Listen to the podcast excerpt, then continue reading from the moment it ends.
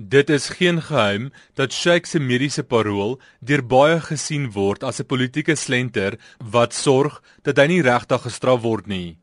Die veroordeelde bedrieër het net 2 jaar en 4 maande van sy 15 jaar vonnis uitgedien voordat hy in 2009 op mediese parol vrygelaat is.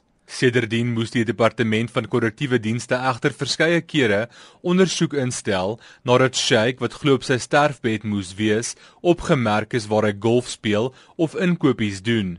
Dit het egter nou uitgekom dat Sheikh se regsverteenwoordigers die DKD genader het om sy mediese parol om te skakel na gewone parol. Volgens die DKD se woordvoerder, Manelisi Wolela, bly 'n persoon op mediese parol vir hy of sy se hele vonnis en ontvang hulle nie gewone parol na hulle sowat 50% van hul vonnis uitgedien het nie.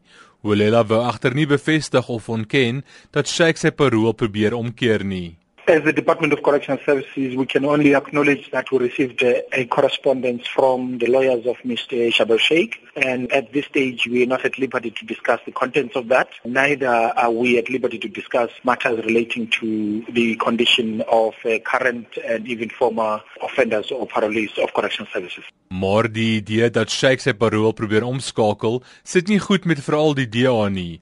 Die party se skadu minister vir korrektiewe dienste, James Self.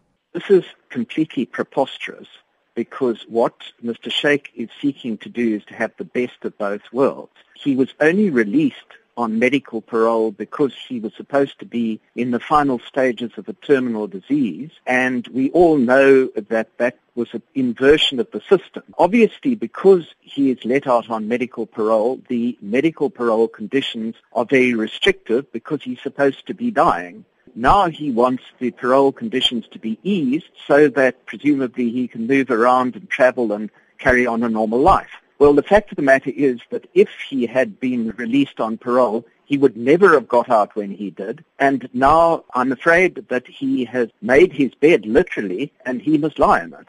Self sê die DA sal stappe doen om te keer dat Sheikh sy parol omskakel. We would very seriously consider intervening in this case if it ever goes to court because it was such a flagrant abuse of the medical parole system and he in particular used his political influence to make a mockery of that system. Sheikh het op sy beurt verras geklink toe hy hoor dat die inligting oor sy paroolomskakeling aan die publiek gelek is. Hy sê hy ly steeds aan hoë bloeddruk. This information is out in the public domain when it's supposed to be treated with a sense of confidentiality. So I'm just uh, trying to understand what's going on. I'm managing my health, and it's uh, something that you just got to be serious about and manage it. You know, chronic hypertension is something you must manage. And things like that that take you by storm, by surprise, doesn't help in any way. Hy het gevra dat die SAIK hom 'n uur later terugskakel vir wat hy genoem het sal 'n eksklusiewe onderhoud wees oor sy paroolomskakeling, maar hy het die onderhoud toe op die laaste oomblik van die hand gewys. As I'm meeting the legal people now, I don't know what they want to meet me for, but I don't want to comment on this thing at this moment because uh, it's rather strange for me what's going on.